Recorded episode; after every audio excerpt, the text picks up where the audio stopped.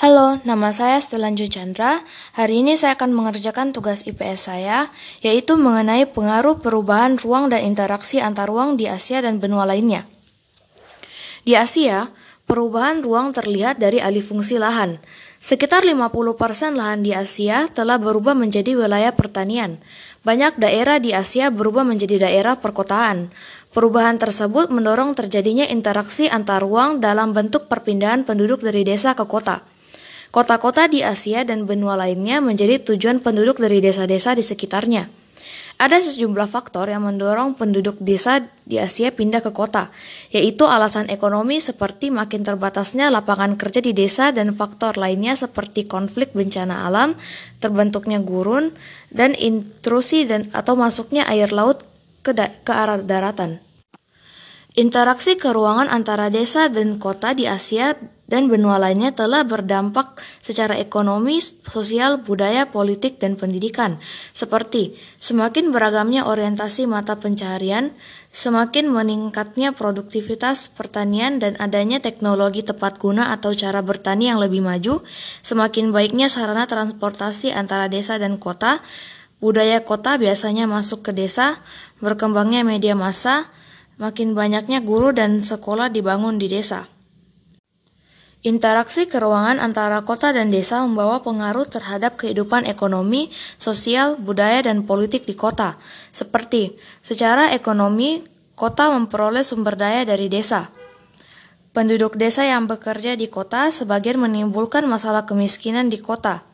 Kota dihuni oleh penduduk pendatang dari desa yang sebagian masih mempertahankan budaya atau cara hidup di desa.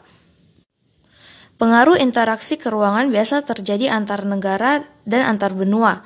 Berkat kemajuan teknologi informasi dan komunikasi serta transportasi, hambatan dalam melakukan interaksi eh, semakin sedikit. Pengaruh antar negara dapat berubah pengaruh ekonomi, sosial, budaya, dan politik. Adapun pengaruh tersebut di antaranya adalah antara sebagai berikut.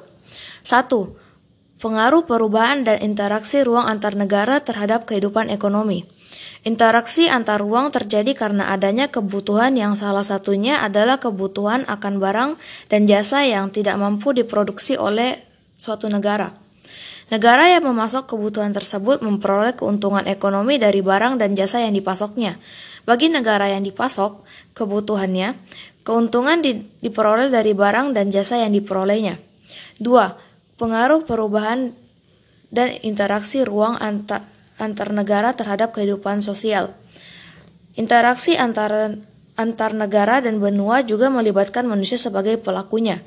Interaksi tersebut dapat terjadi dengan saling bertemu atau melalui media komunikasi. Kehidupan sosial dapat berubah karena adanya pengaruh dari interaksi tersebut. 3. Pengaruh perubahan dan interaksi ruang antar negara terhadap kehidupan, kehidupan budaya. Saat ini, kemajuan teknologi transportasi sangat mendukung terjadinya interaksi budaya secara langsung melalui pertemuan antar masyarakat dengan budayanya secara fisik.